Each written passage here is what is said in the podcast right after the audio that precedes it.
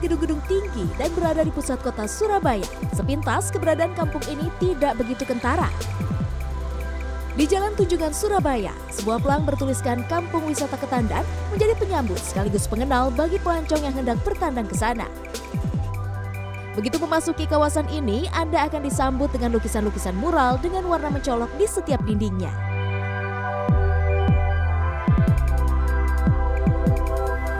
Di antara megahnya gedung pencakar langit, dahulu kampung ini merupakan tempat kesembunyian arek-arek Surabaya pada masa penjajahan.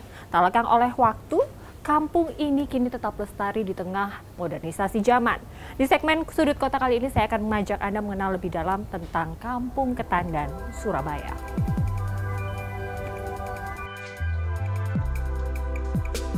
Walaupun merupakan wilayah perkampungan, lokasi Kampung Ketandan bisa dibilang strategis.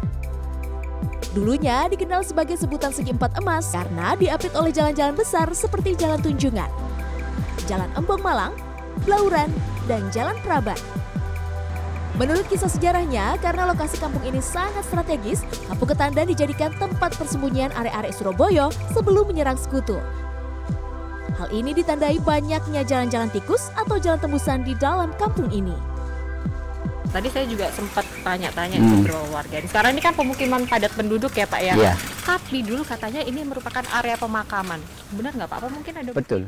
Oh gitu Pak. Uh, uh, makam Cina dulunya. Ada buktinya Pak? Buktinya ini. Oh iya. Ya ini. Ya. Oh, iya, ini, Sa ini salah satunya di sini. Ada tulisan. Di daerah lain ada juga dari situ sana. Nah, banyak di sekitar sini tuh. Oh oke, okay. tapi sama warga gimana nih? Tetap dirawat atau tetap dibiarkan begini? Dibiarkan. Ini sebentar lagi dari RW mau dibuatkan museum. Jadi untuk dokumentasi dari bahwa di sini dulu ada pemakaman Cina.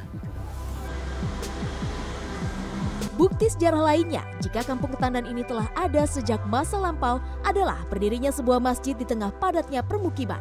Ya, Masjid Anur yang didirikan pada tahun 1915.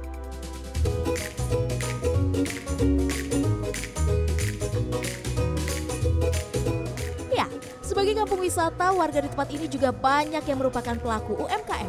Salah satu UMKM yang terkenal dari Kampung Ketandan Surabaya adalah Dia Cookies. Sebagai produsen kue kering, dia sudah menekuni bisnis ini sejak puluhan tahun. Bahkan kini, ia bisa menyuplai kue kering ke beberapa wilayah hingga luar Jawa. Baginya, bisnis yang sejak awal didirikan di Kampung Ketandan ini begitu membawa berkah buat dirinya. Karena yang pertama kalau di pinggir jalan tuh kendala modal. Kalau di pinggir jalan kan pasti mahal ya mbak ya.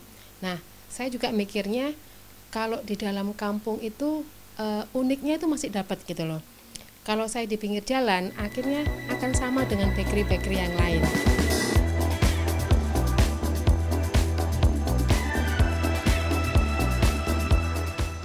Nah, berbicara kuliner di seputar Kampung Ketandan, ternyata cukup banyak yang legendaris loh.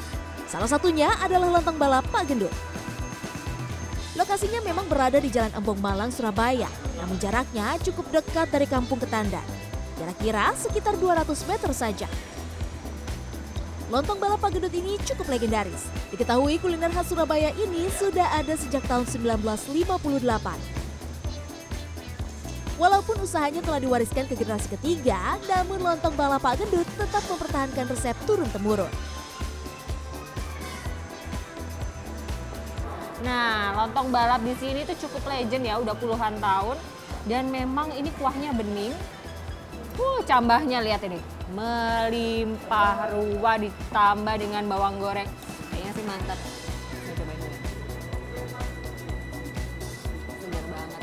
Apalagi kalau dicampur sama yang namanya lento. Nih lihat nih.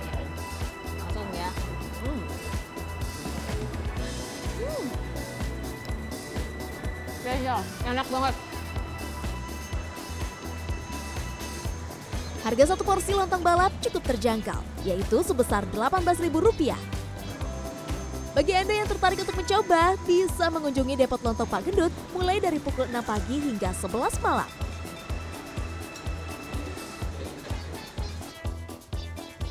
Meskipun dikelilingi gedung-gedung pencakar langit dengan lokasi yang strategis, Kampung Ketandan masih mempertahankan keoriginalitasannya hingga kini.